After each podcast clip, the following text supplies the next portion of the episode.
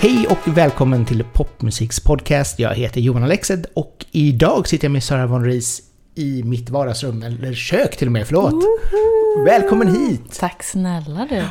Sara är just nu aktuell med Melancholica High Season eh, som hon släppte för några veckor sedan. Ja, Ish. jag bara... Hur länge sedan jag är det? Jag tror att det är två, eller kan vara tre veckor sedan. Två eller tre veckor sedan. Jag har varit i den här release... eh, Bubblan. eh, ja men verkligen, så att jag har inte riktigt koll på tid och rum. Men, hur, hur, hur, hur har reaktionen varit förresten? men fina reaktioner. Jättebra tycker jag. Alltså så här, över, över förväntan. Det är alltid konstigt. Jag är ju independent artist. Så man har aldrig någon aning vad... Kommer det bli något? Kommer någon lyssna? Kommer, kommer något ske? Men jag tycker det har varit eh, jättehärligt och typ så typ förlösande att få släppa den typ. Skönt. Ja, men jag kan Jätteskönt. tänka mig att det är liksom, som du säger, liksom förlösande. Att det är verkligen ens baby. Liksom. Ja. Så här, varsågod, nu Ja. får ni också se och lyssna. Exakt. Liksom. Märkligt men härligt. Ja, det kan jag tänka mig. Du, du är från Göteborg, Ja. eh, men du bor inte här just nu i alla fall. Nej, jag eh, är en av de förrädarna som flyttat till Stockholm. Eh, och där jag har bott sedan 2016. Så det är ändå ett tag nu. Ja, men det är nästan som att du är stockholmare med andra ord, kan man säga. Motvilligt, försiktigt, ja. Eller nej, nej. Det är väl ganska, tri- Stockholm är en ganska mysig stad ändå. Den är lite stressig, Det men... bara, mm. Eh, ja men alltså staden är ju asfin. Mm. Sen får man säga det, stockholmare. Ja, det får man absolut säga. Det finns eh, grader i helvetet och Mm. eh, någonstans långt ner finns många av dem. Nej. nej men ja, nej. Usch, jag älskar stockholmare. Vad, men vad saknar du med Göteborg när du inte är här? Mer- men göteborgare. det är ju något, alltså bara så här gå och beställa en öl på en bar här. Och någon, den som typ möter en är glad och typ hälsar. Och, och framförallt så här 80 kronor tack istället Exakt. för 180. Exakt. Ja. Eh, men, ja gud, det är så mycket. Typ Majorna, Pustervik, eh, Folkbaren, Kino. Alltså det är så många ställen som man bara så här har en perfekt vibe som inte finns i Stockholm. Visst är det så också att Mm. livemusikscenen i Stockholm har blivit typ obefintlig känns det som de senaste åren. Även om det poppar upp mer och mer vad jag förstår nu igen. Men det har varit en period där alla bara så här, det ska inte låta in i stan. Nej men exakt. Jag skulle säga att det som finns är otillgängligt också. Alltså det är ju mycket de här stora arena-grejerna och det är bara typ dyrt och otillgängligt. Alltså om jag jämför det med Göteborg så har jag en känsla av att det, här har det alltid varit lite mer do it yourself, lite mer punkigt över Mm. typ musikscenen. På så sätt att man kan gå och kolla på grejer gratis. Alltså jag är uppvuxen med Göteborgskalaset och kunna åka till Bananpiren och kolla på konserter. Det var hela min, hela min ungdom. Mm. Och det konceptet och den tillgängligheten känns inte riktigt som att den finns. Eller så är det bara jag som är Nej men, det lat. Stämmer nog. Nej men det stämmer nog, för jag menar jag vet ju att de hade ju Vattenfestivalen i Stockholm för hundra år sedan. Mm, okej. Eh, Och det var ju också någonting som stockholmarna hatade. Jaha. Lika mycket som eh, egentligen göteborgarna kanske inte gillar Mm. Göteborgskalaset Ja. eller Kulturkalaset. Men just det här att det kommer andra människor hit. Det. Och det är inte för oss, då Nej. ska vi inte ha det. Eh, Så att, alltså vi, vi är nog lite bättre på folkfest. Mm. Ja men exakt. Och med så här, bara gratis gig på små Mm. ställen typ. Jag vet inte. Eller Götaplatsen liksom. Götaplatsen. Här är bara så här? Lale står här och sjunger, Exakt. eller Toto, eller Status Quo, eller vad det nu må vara. Exakt. Vad man, vare sig man gillar musiken eller inte så är det ganska Ja. roligt ändå. Nu är det säkert någon Stockholm som sitter och lyssnar och bara men vi har ju det här och det här och det här och så har jag ingen aning om det. Så att jag tar tillbaka allt jag sagt. Nej men jag tror det, det kan nog vara, alltså Mm. vi är nog ganska duktiga, eller Göteborgs stad är nog ganska duktig på att ändå göra, göra event Mm. i staden för göteborgarna. Sen är vi göteborgare tror jag ganska dåliga på kanske att uppskatta det mer. Jag vet Ja. inte, det kan vara så men... Vi går vidare. Eh, det är så, finska rötter. Ja, min kära mor är född i Finland. Ah, Och flyttade hit när hon var två. Så att hon är ju Hon är typ Hon svensk. är ju svenne. Men ehm, hon var yngst utav, eller hon är yngst utav eh, fem barn. Så att det finska har ändå varit ganska starkt i min uppväxt. Och mormor och morfar pratade mest finska. Och, ja, Va- så himla mysigt. Med, med påsken i färskt minne, Ja. vad, vad är din relation till memma? Men jag har typ aldrig ätit det, jag har inte behövt det. Jag är mer så här eh, piroger och morotslåda och så här, sånt som hör julen till mer. Ah, ja. Men har du också en finsk koppling? Eh, inte så jättehård, Nej. utan min, min, vad blir det? Pappas svägerska är Ah. från Finland. Nice. Eh, och eh, absolut lådor Ja. varje jul Ja. bara. Jag har tagit med mig min morotslåda. Och man bara, det är ingen som äter den, varför har du den här? Ja. Liksom. Alltså så var jag när jag var barn. Nu finns inte morotslåda, då är det fan inte jul. Så känner jag nu. Och jag kan tänka mig att man kanske uppskattar det, när man, för jag har inte ätit det Nej, på hundra år. Men lådor överhuvudtaget, Ja. liksom här. Här har vi barklåda, här har vi motorlåda. bara, det är lite, lite härligt ändå. Men efternamnet var... Von Reis är holländskt och det är från min fars sida. Ah! Så det är en gammal holländsk judisk släkt som kom till Marstrand. Oj! Eh, slutet på 1800-talet. Eh, Det är sån här härlig kulturell mix kan Ja, man säga i hela verkligen. familjen. Underbart. så härligt. Ah, hur, hur, har, har du lite koll på din historia på den sidan också? Eller? Ja, typ inte. Nej? Nej. De, du bara efternamnet, tack. Ja, men precis. Exakt. Och det är lite, lite coolt för ingen riktigt förstår om det är taget eller om det faktiskt är ett... Det är inte taget. det är viktigt. Men ja, jag vet inte. Jag, jag identifierar mig inte så mycket med... eh, Jag fattar ju typ att det låter som det låter. Ja. För att det är ett fondnamn. Ja. Men jag, jag är ingen fondperson. Du tar inte fram monokeln lite då och då och bara låt mig diskutera detta med dig lilla vän. alltså det händer väl ibland men... Ja men jag tycker det är, det är ett snyggt namn. Jag tycker Mm, det är tack. lite... Det, ja, Von Ries. Det är snyggt. Eh, hur, låt oss prata musik. Mm. Eh, hur kom eh, musiken in i ditt liv överhuvudtaget liksom? Eh, ja, men musiken får man väl ändå säga kommer från eh, den von Reisiska sidan, alltså genom min far. Eh, han spelar inte instrument, inte min mamma heller. Men jag är uppvuxen med eh, hi-fi. Åh, vinylskivor som Ja, vi kallar det. ja, hi-fi som i också högtalare, eh, stora tv-apparater. Alltså högtalare liksom som gick stora slutsteg från, från golv till tak. Och Oj. min pappa höll på mycket med det och jobbade med det för. Så det var mycket titta på musik-DVD på fredagar och det var alltid musik på hemma liksom. Eh, och sen, jag kommer ihåg det väldigt tydligt. Jag står framför mina föräldrars eh, spegelgarderob som var så trendigt för eh, sådana här eh, dragdörrar. Ja, Och jag har någon skiva, någon så här Absolute Music någonting. Eh, och Christina Aguileras, heter den typ Genie in a Bottle? Mm. Eh, spelas och jag och min kompis står och sjunger och dansar. Och då säger min kompis bara, men du kan ju sjunga. Eller något. Och jag bara, va? Och då var det som att där typ föddes någon grej. Att jag bara, ja, jag kan sjunga typ.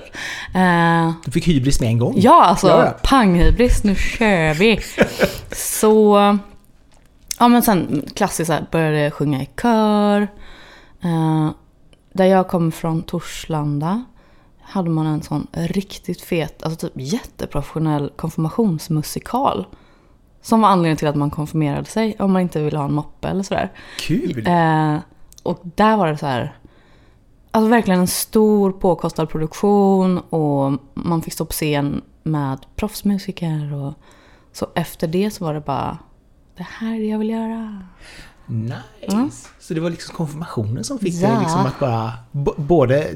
Men har, har typ teater och sånt också varit Ja intressant men för dig? precis, det var väl samma veva där. Jag har alltid, alltså jag har alltid varit en liten showare hemma.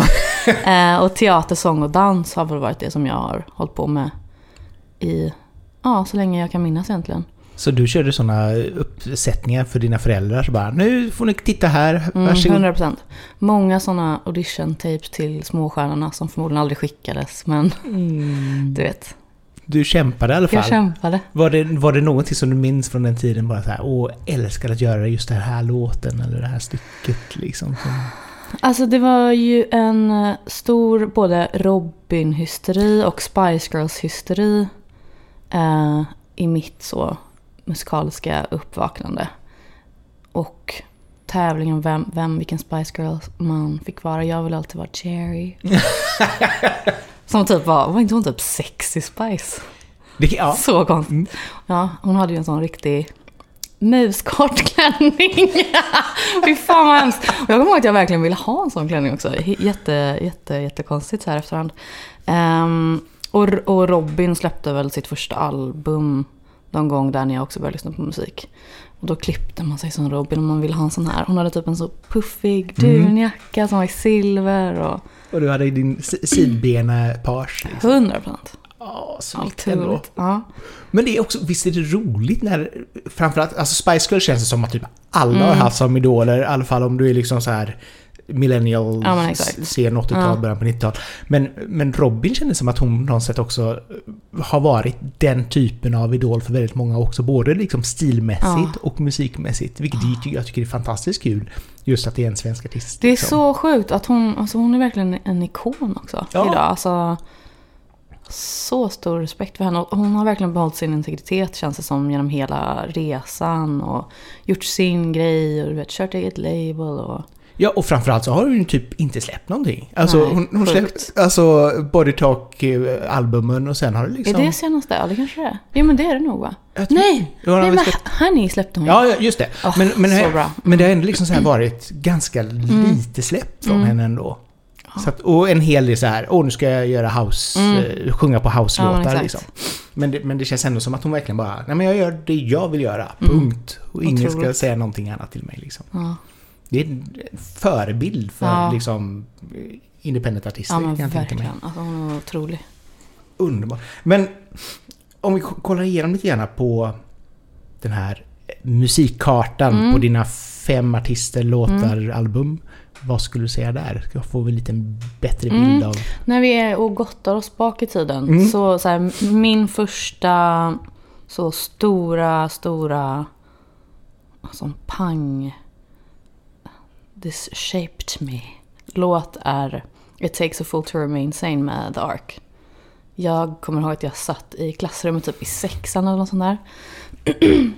Med min CD freestyle, några stora hörlurar och lyssnade på den här. Jag, hade, jag vet inte om jag hade fått skivan eller om nej, den kanske också var med på något sånt här samlingsalbum eller Så någonting. kan det ha varit, ja. Eh, och jag lyssnade på texten och den handlar ju väldigt mycket om att man ska vara sig själv och skita i vad alla andra eh, tycker och tänker. Och jag fick en sån här Oh my god, jag kan vara vem jag vill. Jag behöver inte vara som alla de här andra.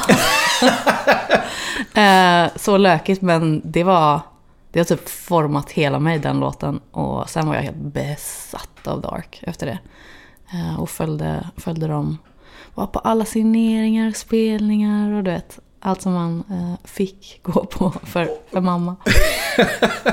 Men, ja, nej, men jag kommer ihåg när den låten kom, att det Mm. var verkligen en sån... Alla verkligen blev helt... Just det budskapet. Mm. Liksom att... Var vem du vill liksom. Att, Ja, och de, det känns som att de lyckades nå också till en ganska ung generation. Jag var ju typ 12 eller någonting när jag hörde det. Alltså jag är ju skitliten. Men, det var, och det var första gången jag såg något sånt. Alltså de såg ju, de var ju ganska Bowie-inspirerade Ja, ja. i sin look och jag hade aldrig sett det. väldigt Eh, flamboyant. Ja men liksom. verkligen. Mm. Och det var som att då bara förstod jag en, jag fick en ny nyans typ av vem jag fick lov att vara. Alltså Torslanda där jag är ifrån, det är verkligen så här. Litet område i, Göteborgstrakten för er som inte vet kan vi säga då. Exakt. Men, eh, och välbärgat område får man väl också säga. ja men så här, halva Torslanda då i alla fall var rätt stökigt och Ja. halva så här superfint, välbärgat, villor vid havet. Ja, ju närmare havet man kommer desto Ja men exakt. finare. Och super homogent och Mm. alltså verkligen så alla är likadana om man håller på med sport. Eller om man hade tur och var tjej och fick man hålla på med lite sång och dans. Så här, vi hade en typ en så här, ungdoms förening som heter Törsvilanda. Som tog mig till Götaplatsen, som vi pratade om eh, nej. tidigare. Jo, Som så vad? fick stå där under det som då hette Göteborgskalaset, numera Kulturkalaset, på de här skitstora scenerna för att, alltså I don't know, det var jättesatsigt. Eh, fördel med att växa upp i en så rik eh, förort liksom. Men eh, det var ju, ja vad ska man säga, var man lite mer, men okej, let's, let's go back. Från det här momentet, the arc momentet, Ja. då var jag ju mer så alternativ. Ja, ja. Men så här, färgade håret svart så fort jag fick det och hade Palestinasjal, obs, innan jag ens visste något om Palestina-konflikten. Men var, uttryckte mig ganska mm, men, alternativt vänster. Mm, mm. Det var ju inte uppskattat i Torslanda som då i alla fall även var känt som Rasselanda. Oj, det, det har var faktiskt inte jag hört. mycket, nej men alltså helt, helt crazy. Men, och hade man då svart hår, färgat svart hår som jag, typ Converse, men då var man kommunist och då blev man, då skulle man dö. Alltså det var ju helt sjukt. Oj. Det, det är som idag fast då, kan Ja man men säga. det som inte har fast då, exakt. Eh, och... ah, men det var liksom inte så tillåtet att vara någonting annat än... En homogen Svensson. Exakt, Bara exakt. Bingolotto och så tacos. Mm. That's it. Mm. Tack. exakt. Men hur kändes det? Alltså för det kändes också som att med den låten att, som du säger liksom att man får lov att vara den man Mm. vill. Kändes, kände du att du hade tryckt ner dig själv eller att du hade liksom... Eh, men jag tror att jag har haft väldigt, väldigt tur på det sättet att jag har aldrig... Jag vet inte, jag har bara aldrig varit typ rädd. Ja. Och det var som att det var en period när de här töntarna som skulle tönta sig eh, töntade helt enkelt. Men jag, jag var så här, jag var ändå, jag var inte så påverkad av det där. Jag körde på, jag körde min grej och hade tur att jag var en, typ, en stark person som hade eh, bra relation med mina föräldrar I guess. Och herregud, jag ska inte klaga. Det är ett supertryggt område med massa resurser och hade man varit någon annanstans, en annan person kanske det hade varit asjobbigt men det var, det var fine. Du hade, du hade stöd också Ja, från verkligen. föräldrarna. verkligen. Liksom. Och det är väl egentligen det som är viktigast Mm. någonstans. Ja, att man 100%. alltid ska få, att man ska alltid få tillåta sig att vara vem man vill och Mm. framförallt ha, hitta sitt eget uttryck. Ja, För med så är det ju med alla människor. Alltså att man söker liksom genom hela tonåren Mm. vad man är och vem man är. exakt. Och det är klart att det kommer att te sig på helt olika Ja. sätt. Och man får ju testa de här olika vägarna och så visar sig att oj, det här var inte för mig. Nej, då Mm. tar vi en annan väg och så Mm. ser vi var, var man hamnar då. Liksom. Mm. Så inga konstigheter egentligen. Men det är klart att vissa kan... Det kan alltid sticka i ögonen på folk som tycker att man ska vara... Ja, Som alla exakt. andra. exakt. Så att. Mm. Efter The Ark, Mm. vad får vi då? Ehm, ja, jag ska ta upp min lilla lista här. Ja! Som, för jag har ju skrivit ner hur många grejer som helst. Ehm, och det är väl egentligen den som jag har tagit med mig från my past. Liksom. Jag, då hade jag bara en lång Dark Håkan Hellström-period som så många andra från min, min generation. Ehm, och det var asnice liksom. Mm, Du kunde varje låt. Du ramlade Ja. genom andra lång och bara yay! 100 procent. 100 procent. Eller jag var väl lite för liten för att hänga på andra lång då, men Ja, det var Men- 2000 i och för sig. Men man, ja. det känns som Håkan Hellström-fasen Ja, men exakt. sitter i länge ändå. Ja men exakt. Eh, nu har jag det blivit tvärtom att jag blir sådär, folk som lyssnar på Håkan nu, jag bara pff, askommersiellt. Jag, jag pissar på Håkan. Exakt, så, så pissa på honom. Så snobbig idag, nej. Eh, Du ska se honom på men- Way West. Ja, I guess. Ja. Ja, jag har, Utan att pissa på honom. ja, utan att pissa på honom. Eh, ja, vad tusan var jag någonstans? Ehm, Efter The Ark var vi på. Efter the Ark. Ja, jag, ehm, ja, men jag pluggade... Det var som att det här var hela musikuppvaknandet. Sen Mm. så eh, sökte jag in till en musiklinje på gymnasiet. Eh, nära där vi sitter. Eh, det heter Donnegymnasiet. Och de hade en soul, pop, rock och jazzlinje som jag gick på i tre år med huvudinstrument sång. Och där var... mm, Men kanske att jag blev mer intresserad för typ jazz och soul på ett annat sätt. Och typ funk, många som spelade funk på den Mm. tiden. Eh, och skolade mig liksom sångmässigt i jazz och pop och rock. Det var skitkul verkligen. Man fick eh, tre år av att så här, spela ensemble och typ testa att ja, men, och spela musik upp. Det var ah, otroliga, otroliga, otroliga år. Eh, Vad, vad tar du mest med dig från de här åren?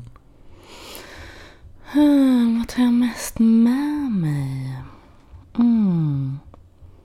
Gud vad svårt. Vad tar jag mest med mig? Alltså bara musikglädje typ. Det fanns ingen prestige i det. Utan man, man fick bara leka. Skönt. Eh, men så, var det som att jag hade kvar den här lilla showådran. Eh, och jag höll på jättemycket med dans och teater vid sidan om. Så sen bestämde jag mig för att nu ska jag bli musikalartist. Oho! Ja. Eh, och sökte in till Balettakademin. Och gick där i tre år. Balettakademin i Göteborg, deras musikallinje. Hade aldrig sett en musikal i hela mitt liv. Eh, visste ingenting om musikaler. Så du älskade Rent? Nej. Nej, alltså jag gillade inte musikaler Nej. överhuvudtaget. Jag hade aldrig sett en musikal. Men jag bara fick för mig att om jag håller på med sång, dans, teater då är det ju musikalartist jag ska bli. Eh, Logiskt i och för sig. Ja. ja. Ehm, alla andra i min klass hade liksom, de var sådana riktiga musikalnördar. Och jag var verkligen svarta fåret. De gick omkring och sjöng Defining Gravity och du Ja, bara... jag bara, vilken låt är det? här? Exakt, det var typ så. Mm. Och ja, man pluggade där i tre år, frilansade eh, som showartist och musikalartist. Eh, did not like it at all. Vad var det du inte gillade med det? Alltså, på den tiden i alla fall så var... Vad ska man säga? Som kvinna, som tjej, de rollerna i Sverige som fanns liksom mm, gick mellan prinsessa eller kabaré-tjeja i någon liten trosa. Ja, jo. Mm. Så. Och jag kände väl typ att jag tycker inte att det här är tillräckligt nice för att det ska vara värt det. Mm. Sen idag känns det som att det har blivit lite mer roller och grejer för kvinnor som är på riktigt liksom. Men då kände jag bara att nej det här är inte min grej. Och hela musikalgrejen bara, fan det här är för lökigt för mig. Jag, jag älskar musik och det är det jag vill göra. Eh, men också tre år av bara leka, det var ju otroligt. Skitkul att få bara spela teater och sjunga och dansa hela dagarna. Det kan jag absolut tänka Mm. mig liksom. Mm. Bara leva ut. Ja, alltså helt otroligt. Och typ få så, så göra så här flummiga teaterövningar mellan nio och fem var det var fantastiskt. Um, men jag kände väl ganska snabbt att det här inte riktigt var för mig. Uh, och då... Eh, man, när man jobbar som eh, musikalartist eller showartist, man, man söker jobb typ via man, en platsbank för, för artister. Uh, och där dök det upp en annons. Det här var 2015. Där det stod Universal Music söker en medlem till en popgrupp. Och jag bara wow, what is this? eh, åkte. Mm. till Stockholm, exakt. Och eh, auditionlåten var Spice Girls. Eh, Tell me what you want, what you Ja, really want. ja, Vad heter wanna, wannabe. Wannabe, exakt. Eh, jag bara skitkul, det här verkar ju askonstigt. Uh, gjorde en audition, gick typ hela vägen men fick inte jobbet som jag inte ens visste vad det var typ. Mm, och jag harvade på i Göteborg, skrev någon låt med någon producent och bara oh, jag vill hålla på med musik. Varför går det inte? Typ. Eh, och sen sex månader senare så blev jag uppringd och bara hej, är du fortfarande intresserad? Jag bara, ja vadå? så var det så att Dolly Styles, eh, vi, vi söker en ny medlem. Det är en som har slutat. Och jag bara, vad, vad är Dolly Styles? Jag hade inte sett Melodifestivalen sen jag var typ tio år gammal. Eh, och bara så, ja jag är jätteintresserad, la på typ googlade. Såg, möttes av det sjukaste jag någonsin har sett och bara vad fan är det här? Från det glättiga musikal till det ännu mer glättiga Dolly Style. Ja. Exakt! Du, du hör ju här att jag, det var en tid i mitt liv jag var jävligt lost. Ja. Ehm, ja, satt och bara försökte researcha det här, förstå vad tusan går det ut på. Och bara, det här är så sjukt. Men det är också typ så sjukt att jag måste göra det. Jag hade ingenting i Göteborg just då. Och bara, ja, jag kör. Vi kör. Ja, så fick jag två veckor på mig att flytta till Stockholm. Och sen så blev jag fast där. Helt enkelt. Till den här hatkärleksstaden. Ja, men exakt. Mm. Men... Alltså, vad var din första tanke liksom när du skulle stå i den här dräkten liksom? Nej men jag tyckte att det var crazy, crazy, crazy. Jag fattade ingenting. Ehm, jag fattade verkligen ingenting. Men du var liksom bara så här, ja ja, nu kör vi. Och så bara... Eller? Nej men jag var så här, ja, för vi fick inte gå ut med vad vi hette. Nej, just det. Vi hade ju så här peruk och linser och jag tänkte nog att det är ingen som kommer fatta att det här är jag ändå. Så jag kan lika gärna köra och det här kanske är en väg in i någonting. Flytta till Stockholm, jag behövde verkligen typ en ny tändning i livet och jag bara det här, this is it. Eh, och det var ju otroligt på så sätt att gå från att harva runt i Göteborg som någon slags här showartist och till att få åka till Stockholm och typ stå på min första typ eh, mitt första uppträdande var så Bingolottos I don't know, 100-årsjubileum direktsänt i TV4. Oj, tillbaka till Göteborg. Ja, det var ju fint. Tillbaka till Göteborg. Jag borde ha fattat. Jag borde ha fattat då. eh, nej men det var ju en helt ny värld som öppnade sig och det var helt sjukt och det var asroligt. Mm. På så många sätt. Hur, Eh, hur mycket gig fick ni göra liksom? Konstant. Alltså konstant. Vi giggade hela tiden. Och ja, men allt från uh, var med i olika tv-program och vi gjorde radio och vi startade upp en YouTube-kanal som vi drev själva som blev skitstor och alltså turnerade konstant. Så det var verkligen så 24-7 levde jag i den här. Rosa bubblan. Exakt! Var det, var det då du fick din känsla för, för ännu mer eller mindre färgglada kläder eller hade det kommit in? Jag sitter här i någon slags här metal hoodie.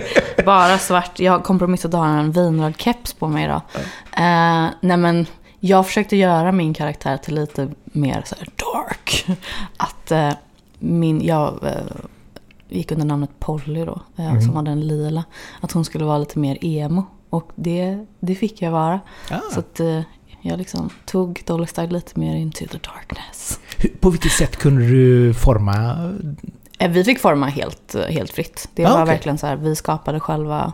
eh, ja, men, vi var oss själva, bara en upphöjd, eh, en upphöjd version typ. Och mycket handlade ju om att skapa liksom en karaktär som Mm. fortfarande kändes som oss själva och grejer vi kunde stå för. Men hitta små, typ, eh, vilken emoji ska man använda? Mm. Eller vilken så här, lalla och allt det. Ja, vi, vi, fick, vi fick forma det själva helt enkelt. Vilken var din emoji? En måne. ja, Så varje gång du avslutar någonting så bara... Måne. ja. Nej, vad Exakt. fint. Vad är det konstigaste du varit med om som Dolly Style?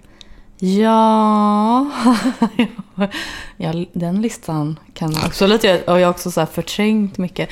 Det som kommer till mig först är, vi står i en direktsänd eh, tv eh, eh, på SVT, ett barnprogram och gör typ en fiskedamm och jag får upp en död fisk. De, de bara, du måste pussa fisken. Jag bara, va? Nej! Och de bara, äh, du måste pussa fisken. Så här live-tv. Det var Ja, det var så konstigt. Men herregud, det var så mycket konstiga grejer. Ehm, men jätteroliga. Det känns som att så här, det här, allt, hela, alla de här åren, allt det där hade man aldrig fått uppleva om man inte var i den här Nej, superknasiga... Så okreddigt också, vilket gör att det kan typ bli vad som helst. och Det finns inga gränser för någonting. Och framförallt så är det ju sån enorm kontrast till den musik du själv släpper. Mm. Vilket också gör att det på något sätt blir... Ja men, ja. Det, alltså det är en fas men det är också ganska roligt att Ja. du har varit med om det kan jag tänka mig. Liksom. Ja, alltså på väldigt många sätt är jag jätte, jättetacksam. Mm. Eh, och väldigt bra övning också. Att så få komma ut i musikbranschen, träna på att vara med i TV eller göra en intervju eller whatever. Men kunna göra det anonymt. Jo, nej men absolut. För jag menar, jag kan tänka mig att de har ganska bra mediaträning. Absolut. Bara för Absolut. att, nu, okej nu ska vi vara ett koncept. Mm. Och lika mycket som Spice Girls gick ut på att du skulle ha en karaktär, Mm. bla bla bla, så är ju du här också Ja, karaktärer som man ska spela Mm. liksom. Verkligen. Och även om du kan lägga till liksom lite grann av dina åsikter och tankar i karaktären så, eh, så kan jag tänka mig att det ändå blir väldigt roligt liksom. Ja, det var jättekul. Sen var det ju inte jättekul på många sätt också. På vilket sätt då?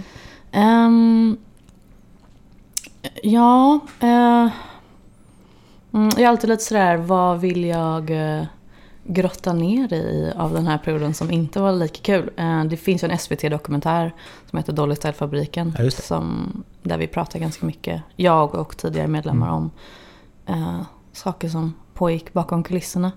Men, ehm, nej men om man säger så här, om du tänker på en ihopsatt tjejgrupp som är, ska vara ett, ett konceptgrupp som ska vara superkommersiellt och ekonomiskt lukrativt för alla förutom medlemmarna. Mm.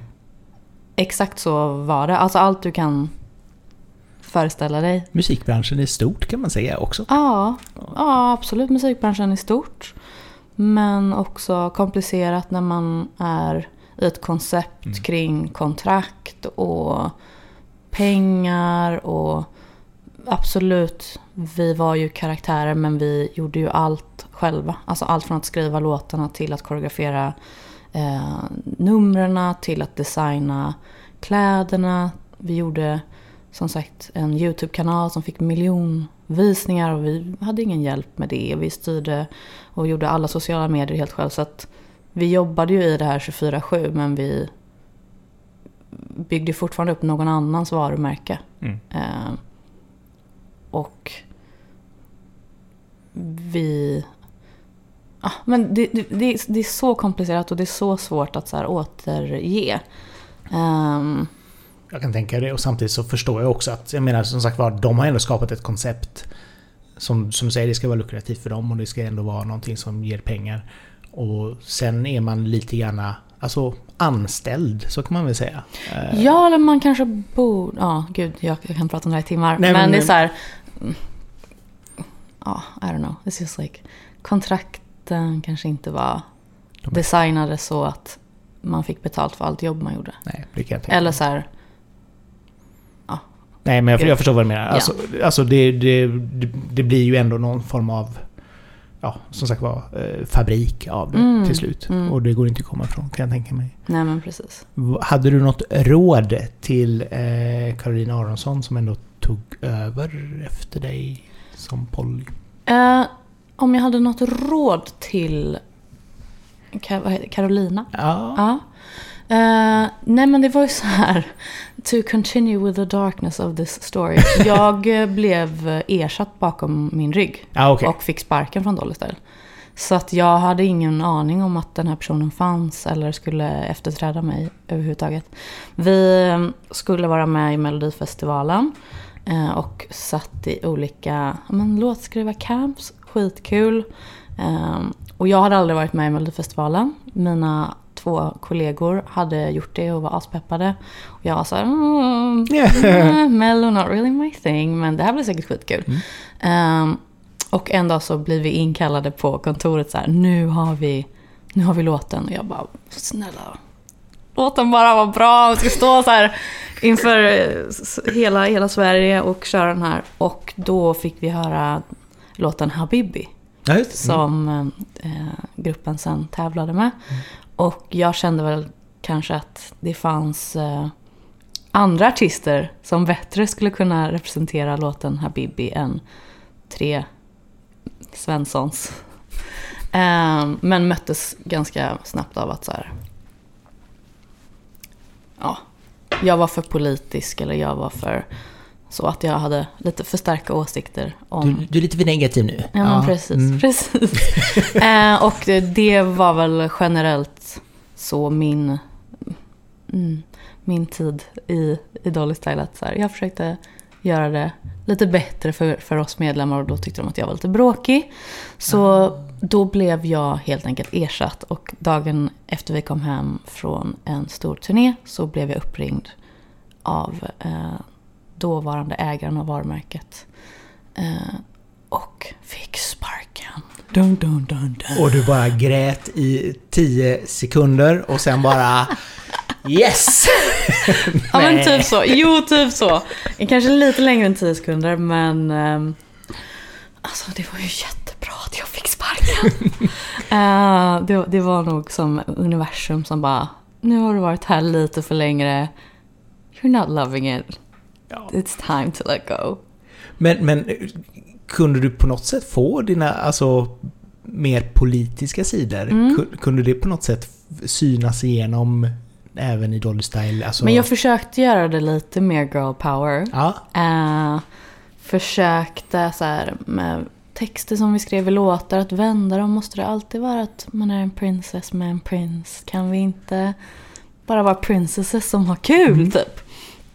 Eh, och generellt typ i hur jag kommunicerade med barnen, för det, var, ju- det är ju främst barn som är fans av den här gruppen. Liksom. Att inte bara få det handla om ja, men, the look, utan mer typ hur är man en bra person? Alltså Ja. så jävla tråkigt men Nej men det är ju, det är ju, Så, faktiskt- liksom. det är ju viktigt ändå. Mm. Ja men det är skitviktigt. Och när man har en så stor och ung publik som, som vi hade. Mm. Så kändes det för mig så här. Fan jag vill göra det här. I alla fall så bra som jag kan. Och det var lite också så här min ingång till. Ska jag vara med i det här galna galna projektet av tre. Med tre tjejer i peruk. Det, så jag bara det kanske är. Om någon ska göra det så kanske det är jag. Typ så. Jo men faktiskt, alltså... Det är väl lite grann som med all, allting att om du ska få ut ett budskap ska du någonstans måla in det i någonting som folk tar till sig av. Ja. Och i det här fallet då om du ska tala med barn och Exakt. unga tonåringar. Då är det kanske det du behöver göra liksom. Mm. Ja men exakt. Men det är kanske inte det som säljer mest. Så du förstår konflikten. Ja, jo, det förstår jag. Men samtidigt Mm. så här, av, av tre personer, om två stycken kan vara liksom Ja, eh, tuggummi, tuggande och glada och eh, regnbågar så kan ju faktiskt en vara lite grann den här Exakt. molnet som kommer in och bara Men har ni tänkt på barnen i Etiopien? Eller vad man nu säger. Alltså, ja. Ja. Ja, Alltså det, det behövs väl den kontrasten också, även absolut. i ett glättigt barnband. Liksom, absolut. Om man hade tänkt hela vägen. Men det behöver man ju inte alltid göra. Nej men verkligen. Så, vi har fortfarande inte gått igenom dina låtar, så jag tänkte vi skulle gå tillbaka till dem igen. Ja, alltså jag har ingen, ingen god så här kronologisk det behöver ordning vara. egentligen. Det behöver absolut inte. Ehm, när jag lyssnar på musik så är jag väldigt så här mood-styrd. Jag kan typ inte lyssna på en sad låt bara för att den är fin om jag inte själv bara nu vill jag gå in i det här och bli sad. Så väldigt mycket av musiken jag lyssnar på är bara för att hålla mig själv på ett gött eh, så här, rosa moln-mode.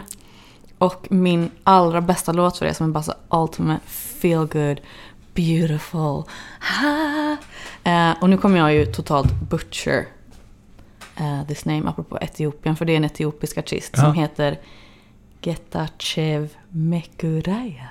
Och en låt som heter Musika Heyowete. Som är helt otrolig. Det är så etiopisk, eh, ja men typ jazz. Som är, om du tänker typ en härlig sommar eftermiddag när allting bara är perfekt. Så det är den låten. Så man, kan- man kan sätta på den och bara må så bra. Underbart! Ja. Vad är det som, alltså, hur, hur- hur upptäckte du låten? Kommer du ihåg det? Hmm, nej, den kom till mig. Universum skickade den till mig. nej, jag kommer faktiskt inte ihåg. Det var i min Music Radar och Ja, helt plötsligt bara, jaha, nu är det det här jag ska, som Jag vet faktiskt inte. Nej. Men den är otrolig. Alla borde lyssna. Alltså så här, en, en grå dag som det är idag när vi spelar in här i Göteborg. Då, det är perfekt. Bara få lite solsken Exakt. och värme. Exakt. Underbar låt. Ja. Jag har aldrig hört talas om vare sig personen eller låten så att det här ska jag absolut kolla upp. Ja, kul. Om vi går vidare i listan, vad har vi då? Okej, eh, en Perfect Mode-låt har vi pratat om nu och nu kommer då min perfekta låt. Eh, och det är ju Göteborgsgruppen Little Dragons Ritual Unions. För mig är det, alltså den håller i alla lägen. Produktionen är så nice, De är så tajta i hur de spelar. Vokalerna bara... Ja, den är så perfekt. Och den funkar, den funkar liksom på förfest, den funkar på fest, den funkar stå och laga middag hemma. Det är för mig the perfect song. Men det är också ganska skönt när man hittar en sån låt, eller ett album för den Mm. delen också, Mm. som är så här. Man kanske behöver ta bort någon låt på albumen så blir det den perfekta partyplattan. Ja. Och så kanske man behöver ta bort någon annan låt så blir det den perfekta, nu Ah. mår jag lite dåligt och jag vill gärna känna att jag mår dåligt, ja. platta. Verkligen. Och när du säger det så har jag en sån platta som jag har skrivit ner här. Ja! Eh, och det är Pleasure av Feist. Ah, Eh, jag lyssnar väldigt sällan en platta rakt igenom. Eh, och det här är typ den senaste jag gjorde med den. Den har några år på nacken nu. Men den bara spår efter spår gör en perfekt resa genom något slags mörker men den har också lite hopp. Och bara har en sån otrolig röd fin tråd som bara binder ihop allting. Det är som att varenda spår är så, eh, vad säger man, carefully kurerat Mm, mm, in mm. i perfektion. Eh, den eh, har jag lyssnat, alltså verkligen så lyssnat rakt igenom så många gånger. Och jag blir aldrig, aldrig besviken. Men det är väl också det som gör att det viktiga med ett album, Mm. just det här att det ska vara en, en någon form av ordning på det. Det ska liksom inte vara Nej. tio singlar som Nej. bara spretar åt olika håll utan gärna... Men har vi inte tappat lite det där idag? Absolut. Det känns som att den grejen inte finns. Det är så sad. Ja, alltså jag tycker, jag älskar singlar. Mm. Det är lätt att äta Mm. eh, och så vidare. Och EP, inga problem heller för det är också liksom så här, det, det är Mm. typ fem singlar oftast, eller fyra. Exakt. Medan ett album tycker jag nog, där ska man nog inte släppa någonting som är Här är mina tio senaste singlar till Mm. ett album, utan då kan man ju släppa en spellista. Ja, men verkligen. Utan, Det är så trå- Det är liksom som att vi inte har råd med det längre. Alltså så här, Mm. man har inte råd att göra albumtänket för allt är så singel, singelbaserat liksom. Ja, och det är ju Spotify fel, typ i det fallet. Alltså just det här att allting ska vara singlar och vi ska inte, vi ska bara lyssna i spellistor. Mm. Det som sagt var, det fyller sin funktion också. Men jag tycker också att ska du göra ett album ska du nog tänka album. Liksom, med en Exakt. början, mitt och slut. Som en film Mm. överhuvudtaget. Ja, men verkligen. Som en film. Ja, för jag menar det är inte så att du bara Åh, nu ser jag mellan 10 och 15 minuter på den här filmen och nu ser jag mellan... Alltså, nej. Så Nej. gör man liksom sällan liksom. Mm, Utan, och det är samma sak med musik, att det Ja. borde upplevas verkligen. som det är. Ja. Sista låten, eller sista... Sista ehm, låten, det är för det är en låt. Mm. Eh, det är Solange, eh, Cranes in the Sky. Ehm, och det handlar väl både om typ general vibe i låten, otrolig. Eh, vokaluppbyggnaden, otrolig. Alltså hon är ju otrolig. Eh, och också typ hur hon har lyckats, alltså rent eh, med the lyrics beskriva, den handlar ju liksom om att försöka fly från någon slags vardagsmörker och hon berättar hur hon eh, tries to work it away och hon går in i att hon försöker shoppa. I thought a new dress would make me better. Uh, I tried to sext it away. Um, alla de här distraktionerna som vi har runt oss i, i vardagen idag som man bara försöker fly in i. Men hon skriver det på ett så oklyschigt sätt. Eh, som bara poesi samtidigt som hon pratar om någonting som vi alla kan identifiera oss med. Och är väldigt... Ah, jag tycker bara den är Mm. helt otrolig.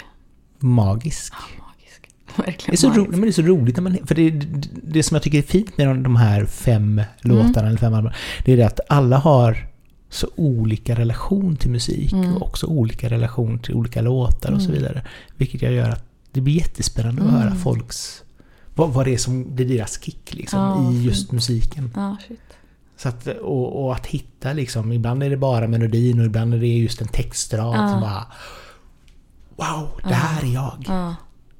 Så att jag, nej, jag, I like. You like. Yes. Me Vi too. ska gå in lite grann på USA, Mm, tänkte jag. Där har du varit. där har jag varit. Någon gång. Någon gång. ja men exakt. Ehm, För vad jag förstår så, som sagt EPn grundade sig i en period när det var mycket i Los Angeles Mm. och du mådde skit, skrev det. stod det i pressreleasen that is true. Melancholy Ja men, High Season. um, Melancholia High Season, det är titelspåret på EPn. Mm. Och den, just den låten ehm, handlar om en period, jag var, jag var fortfarande kvar i Dolly Style. Eh, och hade en partner i LA som eh, eh, låtskrivare. Mm. Och ja, men jobbade liksom mellan Stockholm och LA.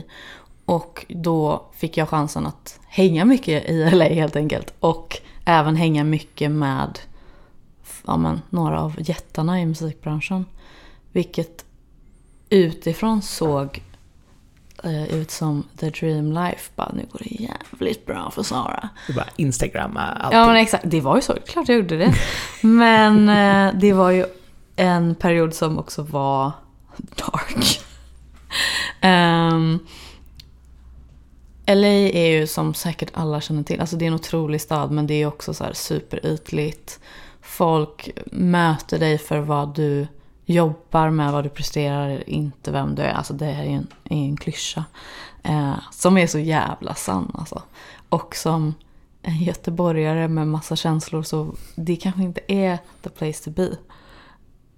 Nej. Inte för mig i alla fall.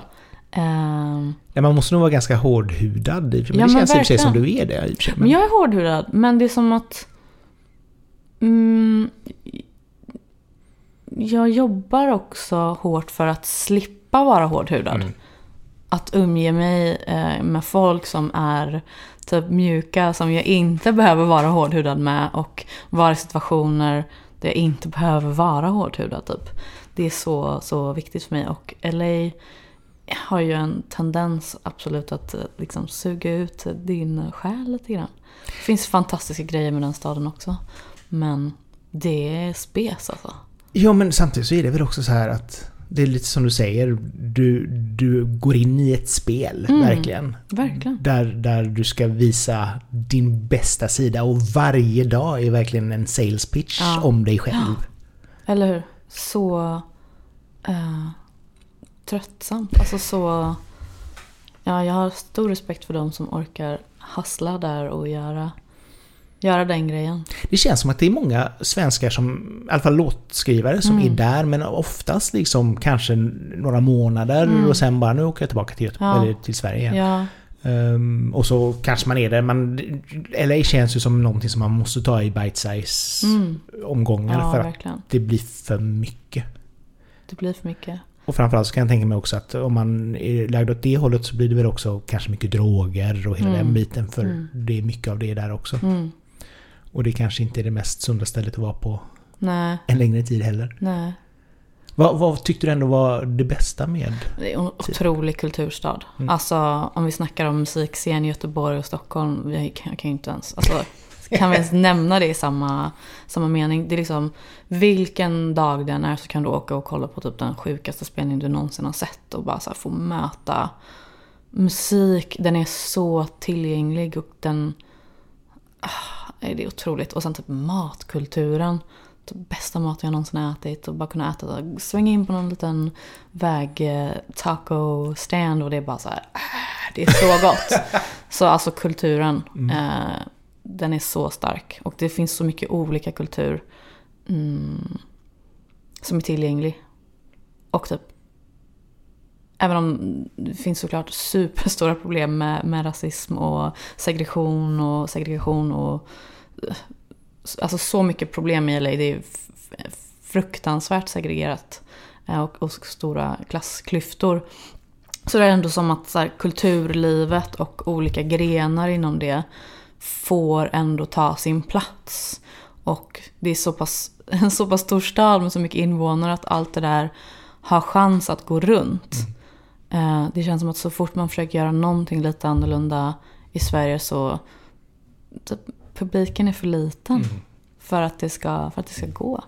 I LA, du kan ju vara en liten artist verkligen en liten artist men du kan fortfarande leva på att åka runt och typ gigga på olika barer och göra små grejer. För det finns ett helt annat sug efter, efter det och obviously bara mer människor. Jo, men samtidigt, LA är ju större än Sverige. Mm. Ja, men så, så att det är klart att det, Det finns... Nej, det finns mycket där, men Mm.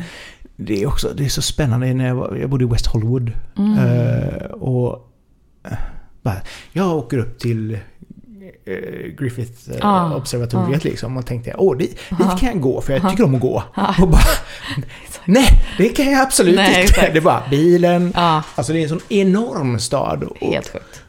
Och, och, och samtidigt också så här, som du säger, liksom, så mycket folk och så Mm. mycket olika människor. Mm. eh, Och så må- många kulturer. Ja.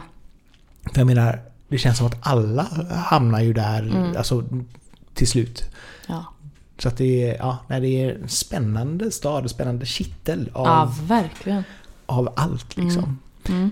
När kände kände du även där att det var en, dålig, alltså när saker och ting började kännas dåligt, hur, Mm. hur blev det? Var det någonting som hade vuxit fram under den tiden? Men det var nog lite en känsla som gick och bar på. Men sen också typ när jag tog ett steg ur det och den här relationen tog slut. Att hur fort alla de här kontakterna bara woof, faded och ja, alltså verkligen mycket så luftslottsbyggande.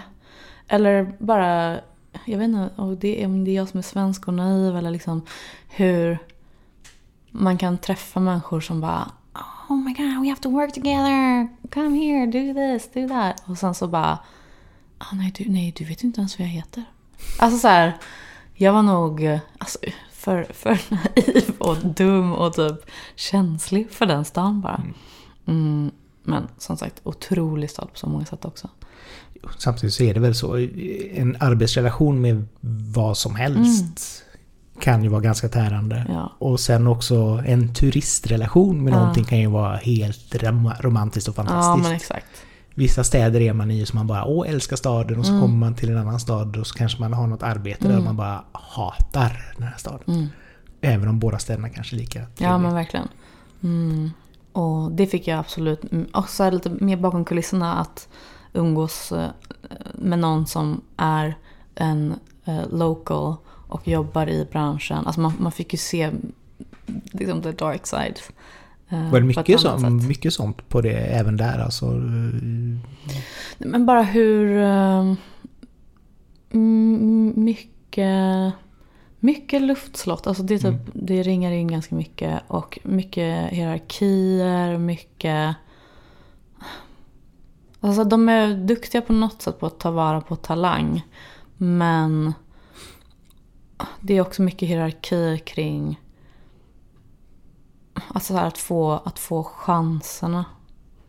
Och jag kan tänka mig att du är bara talangfull så länge du kan ge, generera pengar Mm. Ja, till en viss exakt, person. Och sen exakt. när du Ja. inte gör det längre så spelar det ingen roll hur mycket talang du egentligen hade. Nej men exakt.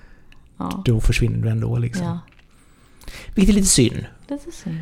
Men eh, samtidigt så är det väl... That's the world. Ja, jo, men det är väl också lite grann musikbranschen överlag. Mm. Just den här... eh, Det ser man ju på väldigt många artister som till exempel är med i Melodifestivalen. Eh, De kanske är med, gör en låt och så Mm. kanske de får ha kontrakt att göra en låt till och sen Exakt. bara nu släpper vi dig för Ja. nu behöver vi inte dig längre. Nu har vi Exakt. fått våra två miljoner streams. Ja. Tack och hej. Ja. Och, och där kan jag väl tänka Gud, det är mig... så dark när vi bara musikbranschen. Ja men det är ju tyvärr så. Ja, det är ju så. Eh, Det är ju så. Sen är det ju, alltså så här. Jag känner mig så sjukt privilegierad bara att få hålla på med musik. Det, det är ju helt... Jag är så tacksam för det. Alltså jag är så tacksam att jag har varit i sammanhang som har kunnat... Alltså typ att jag kunnat spela in en EP, det är helt sjukt. Mm. Vem kan göra det? Eller så här, Du uppenbarligen. Ja, nej, men jag är så tacksam för det. Och jag är så tacksam för ja, men, s- att kunna vara ett land där jag typ har råd att göra det. Att jag är från... Ja, det är bara så här... Ja, very grateful. Ja men det, Mm. det är väl också det som är så fint med musik. Alltså den delen, det är ju inte ens musikbranschen men det kan ju vara liksom så musik överhuvudtaget att Mm. alla kan göra den. Mm, Alltså du behöver typ en iPad. exakt. Och sen kan du bara Ja. skapa musik, slänga upp det på Spotify Ja. och nästa dag så har du fått en hit på TikTok. Ja. Liksom. Eh, så händer det väl kanske inte för alla, men, men, Men möjligheten går. finns. Exakt. Liksom. Exakt. Ehm, nu var, var vi ändå någonstans Mm. 2018, 17, 18 tänker jag, Mm. historiemässigt. Ehm, Mm. och sen började du släppa musik själv, Ja. 2020. Ja men exakt. Anti-Gravity. Ehm, hur, hur hittade du din... Mm, musikstil? ja, men efter Dolly Style, eh, det här var årsskiftet eh, 2018-2019, så tog jag typ ett år och jobbade med olika personer. Testade mig fram. Eh, I början så var det lite poppigare än vad det är typ om jag jämför med EPn nu eller första låten som jag släppte också. Det var som att jag var kvar i den här, åh det måste vara superkommersiellt gångbart. Eh, trots att jag själv kommer med från någon slags indie musik bakgrund typ, och det är egentligen det jag, jag brinner för. Men jag var så inne i det här, jag måste vara ett varumärke, jag måste så liksom. Så det var som att jag behövde typ ett år för att lite släppa den pressen och att det var det det behövde vara. Eh, och bara testa, jobba med olika människor och, och hitta någonting som kändes autentiskt. Liksom. Ehm, så 2020 släppte jag första singeln som heter Anti-Gravity, No One's Daughter. Eh, producerad och skriven ihop med en som heter Ingrid Witt, som också är en fantastisk independent-artist eh, från Stockholm. Mm, skitkul och jag tänkte släppa en EP den våren. Men då kom den gamla pandemin och knackade på dörren. Hon bara, nej det ska du inte alls göra, sa Exakt, den. exakt. Eh, så då blev allting lite on hold. Mm. Som för så många andra. Om man inte var typ signad på ett major label eller var svingrym på att typ livestreama på TikTok. Mm. Så fick man helt enkelt eh, hålla i hatten ett tag. Eh, sen så släppte jag en låt 2021 bara för skojs skull. Som heter Så. The Saddest Girl. Ehm, och i år äntligen så fick jag släppa EPn. Wow! Så otroligt skönt, förlösande, läskigt, konstigt. Men jag var så, så glad. Vad, vad skulle du säga har varit lärdomen av den, din, din egen resa som artist än så Ehm, länge? Min lärdom som artist, eh, inte ta mig själv på för stort allvar. Få ha kul eh, och bara så här köra. Jag är superkontrollfreak, perfektionist eh, person. Och det är fan inte alltid bra när man ska skapa konst. Det kan jag tänka mig. Eh, så det har jag nog tagit med mig att det är inte på liv och död. Eh, varje släpp måste inte nå de här, de här, de här. Utan det handlar bara om att köra. För musikbranschen, precis som vi pratade om, den är så konstig idag. Och det handlar så mycket om slump och tur och timing Ja. och så himla lite om talang typ. Eller, jag, jag har liksom lärt mig att släppa att det handlar inte om jag är bra eller dålig. Det handlar om allt annat. Mm. Eh, stjärnorna ska stå rätt Jo, men liksom så- i himlen. Så är det. Alltså... Jag tycker det bästa exemplet för de senaste åren, det är väl ändå så här Victor Lexell, en annan Torslanda-snubbe. Just det här att han var rätt Mm. på alla sätt. Mm. Där och då. Mm. Släpptes en, en independent-låt, blev upptagen, eller togs upp av Sony med en gång. Mm. Och är helt plötsligt typ Sveriges, en av Sveriges större artister. Mm. Och det är klart att alla kommer inte till att ha den resan, men någonstans så möjligheten finns Mm, där för exakt. alla. Mm. Och det handlar också, som du säger, liksom så här, det handlar inte om att man är bättre eller sämre, utan det är slump, Ja, tillfälligheter det är det. Det är så sjukt. Men jag vet inte, jag, nu har jag bara så mycket mer kul med det. Jag, alltså jag bara är tacksam att jag, kan, att jag får hålla på. Jag är tacksam att, ja, men, att få sitta här idag. Jag är tacksam för att få göra grejer. Det är helt, helt sinnessjukt för mig. Och framförallt så tycker jag det är så coolt också, för när man lyssnar på din musik, den är ju som sagt var, den är mörk, den Mm. är suggestiv, den är mm, fantastiskt cool, ärligt talat. Och ser man Tack. bilderna som du ni har lagt upp, liksom, det är också så här också attityd, det är liksom så här... Eh, ja men det, det är lite så här håll käften-attityd Mm. någonstans, vilket jag tycker är lite roligt. Och så träffar man dig och så är det liksom så här sprudlande jätte... Bara, Ja, allt är kul. Alltså, det blir en sån härlig kontrast till Ja. den bild du ändå visar upp av dig själv, vilket jag tycker är charmigt. men det är som att jag får ut allt det där i min musik. Eh, för det är en skitstor del av mig också. Men ja, det blir liksom min outlet för det där. Och det gör att jag kan lyfta det ut från mig själv. Typ skratta lite åt mig själv och klappa lite på mig själv och bara mm, Mm. du är så emo. Och det, det är okej, du känner så mycket och alltså här, Det är jätteskönt att ha den outleten. Eh, För generellt så är jag rätt, rätt så glad liksom. Jo, men jag tycker det är också ganska nice, just Ja. den här... Man kan ha en viss image och man Mm. kan se lite så här lite trumpen ut. Mm. Och sen kan man ändå vara liksom så här Ja, världens godaste. mm, När det väl ja. kommer till Jag, jag, får, jag har också lite så resting bitch face. Så att det är så att tills man har en konversation med mig så tror man ofta att jag är, att jag är lite farlig. Får jag höra? Obs! Får jag höra? Det, för hundra år sedan, eller när jag var ute på klubb, så var det någon kompis som hade sagt till mig så här, du Johan, om du ska få en enda kille ikväll så Mm. måste du se lite gladare ut. Nej. För du ser ut så, du ser så jävla butter ut hela tiden. Och jag bara, fast jag har jättekul. Ja. Men visst, man fattar inte. Man bara va? Jag är asglad, vad snackar de? Exakt, bara Ja. här, det, det ser ut som du inte vill prata med någon. Man Exakt. bara, fast jag, ja, Ja. det ser ut så här, förlåt. Nej men exakt, story of my life. Min, eh, min tjej har sagt det också sen när vi träffades. Att hon bara, att jag trodde aldrig att du skulle vara så här som person. Typ glad och uh, lite tokig. jag bara, va? Vad menar du? Ja, men, det, men jag tycker det är ändå ganska bra, för det är någonstans så håller det kanske borta personer som Ah, in, Ja, man inte, ändå inte vill ha något if you att göra med. can't handle this, you can't handle me at this, you can't handle me at this. Ja. Ja. Vad, du- har ändå haft också en, en, en hel del politiska engagemang. Mm, Eh, bland annat så gjorde du eh, Vote Together 2019. mm, eh, vilket var fantastiskt bra initiativ. Eh, verkligen. vad, vad känner du själv att du med ditt varumärke Mm. vill kunna... Hur, vill du förändra världen? Nej men alltså vad vill du kunna göra för att... Ja, förändra. jag är ju eh, homo då. Alltså hbtq-is person. Och det känns skitviktigt för mig att prata om. Typ. Mm. Eller, men också inte typ göra till en grej. Men det är... Idag så ser det helt annorlunda ut. Det finns ju massa musiker och förebilder som är öppet gay, queer, eh, whatever. Men när jag växte upp så fanns det fan inte många. Speciellt inte kvinnliga artister. Eh, eller eh, female presenting artister. Mm, och det...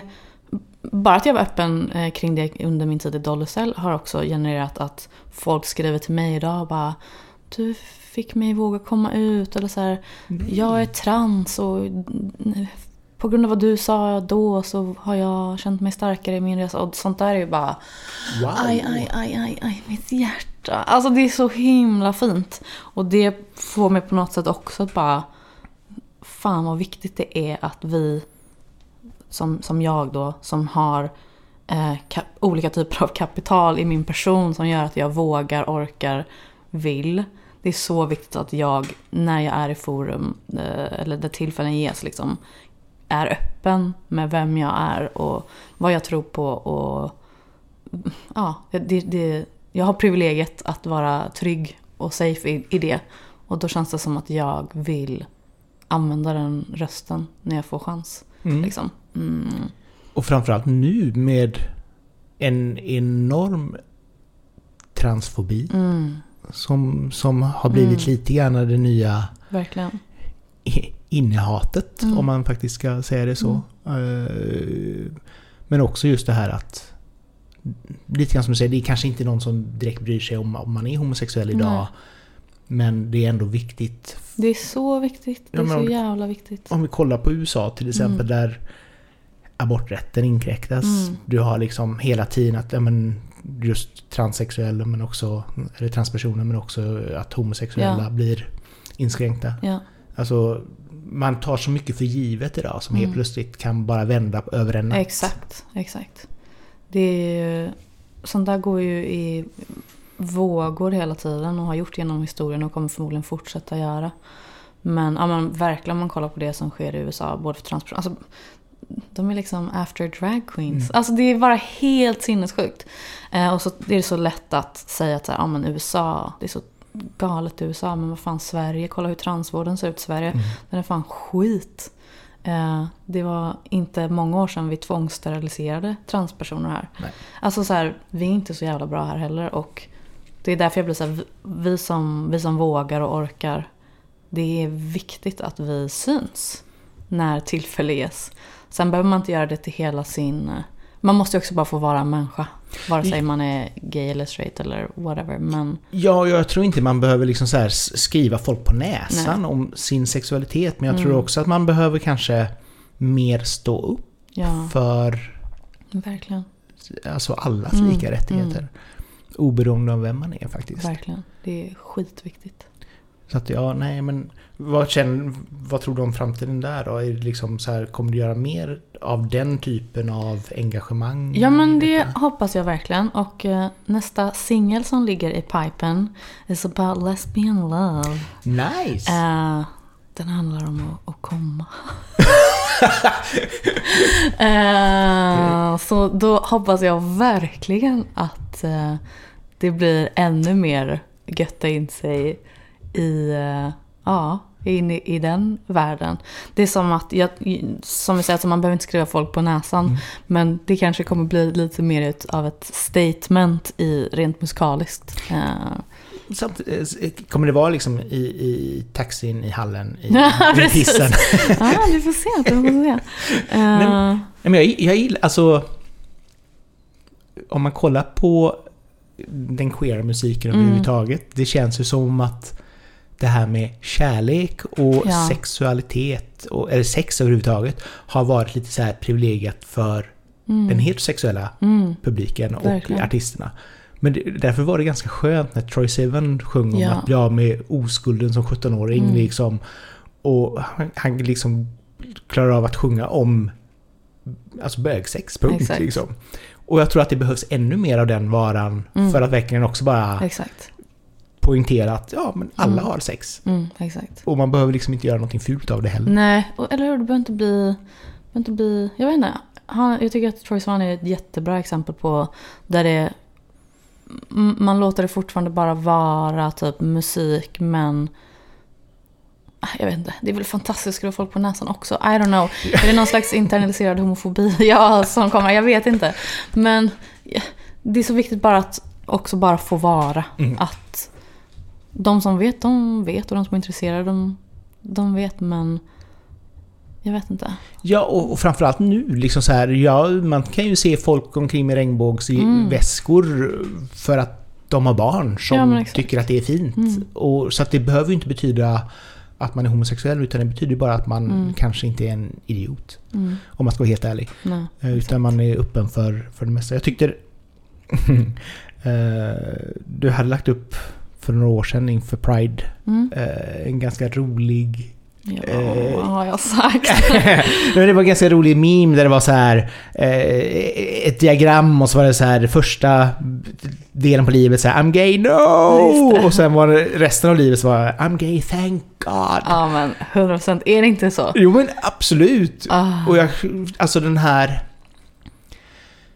Jag tycker inte den här komma ut-processen i sig är jätteviktig. Mm. Utan det handlar om att hitta sig själv. Ja men verkligen. Eh, och det handlar i 0% om att tala om för världen att man är, är homosexuell.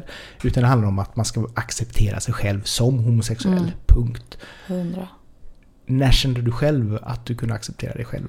Eh, jag, jag ansåg mig själv, alltså jag identifierade mig som bisexuell från att jag kanske var typ 12.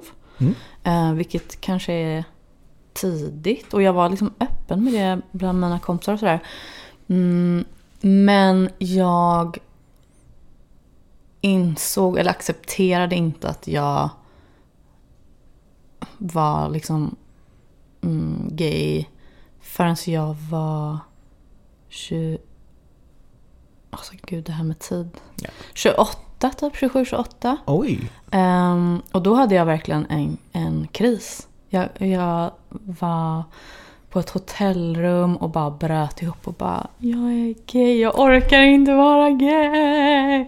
Eh, och ja, men jag fick en total så här Herregud, vad är det jag har hållit på med så länge? Nu måste jag sluta lura mig själv för att jag mår ju skit i de här relationerna. Det här är ju inte Det här är ju inte jag. Mm. Mm.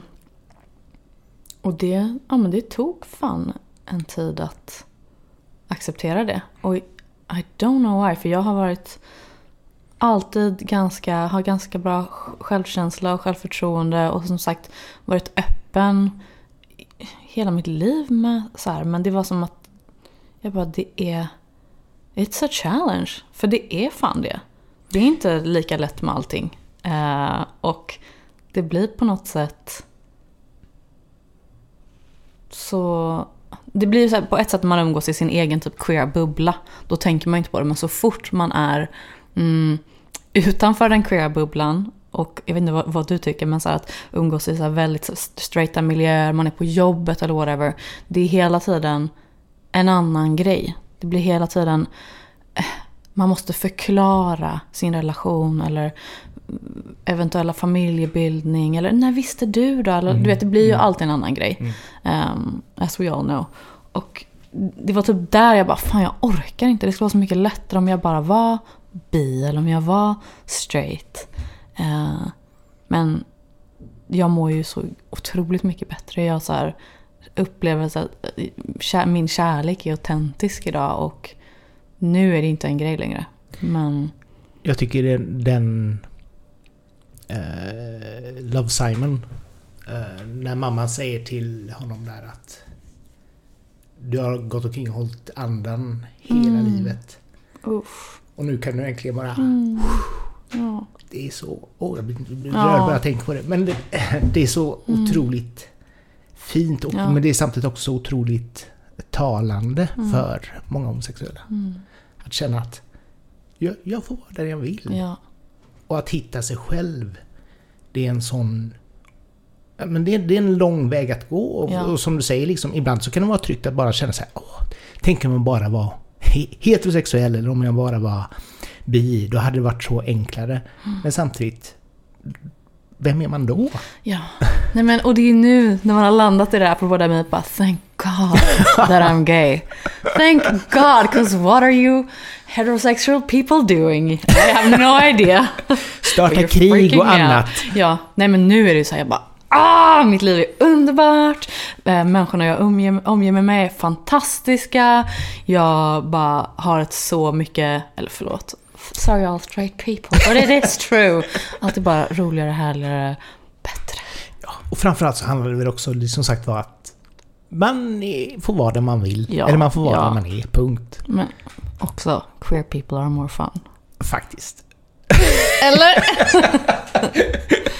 och med inget annat så, så har du bevisat att eh, så är fallet idag. Ja, ja. detsamma. Underbart. Sara, tack så jättemycket för att du ville komma hit och prata tack med mig. Tack för att jag fick komma, det var skitmysigt. Det var jättetrevligt. Och som sagt, som vanligt, eh, dela gärna avsnittet till era vänner och fiender så att de får lyssna på det. Och eh, sprid och som sagt var prenumerera på podden så får ni nästa avsnitt direkt ner i er poddapp. Men från ett regnigt och ganska grått men hjärtligt Göteborg ja. så säger vi tack och hej! Tusen tack! Hejdå! Hejdå.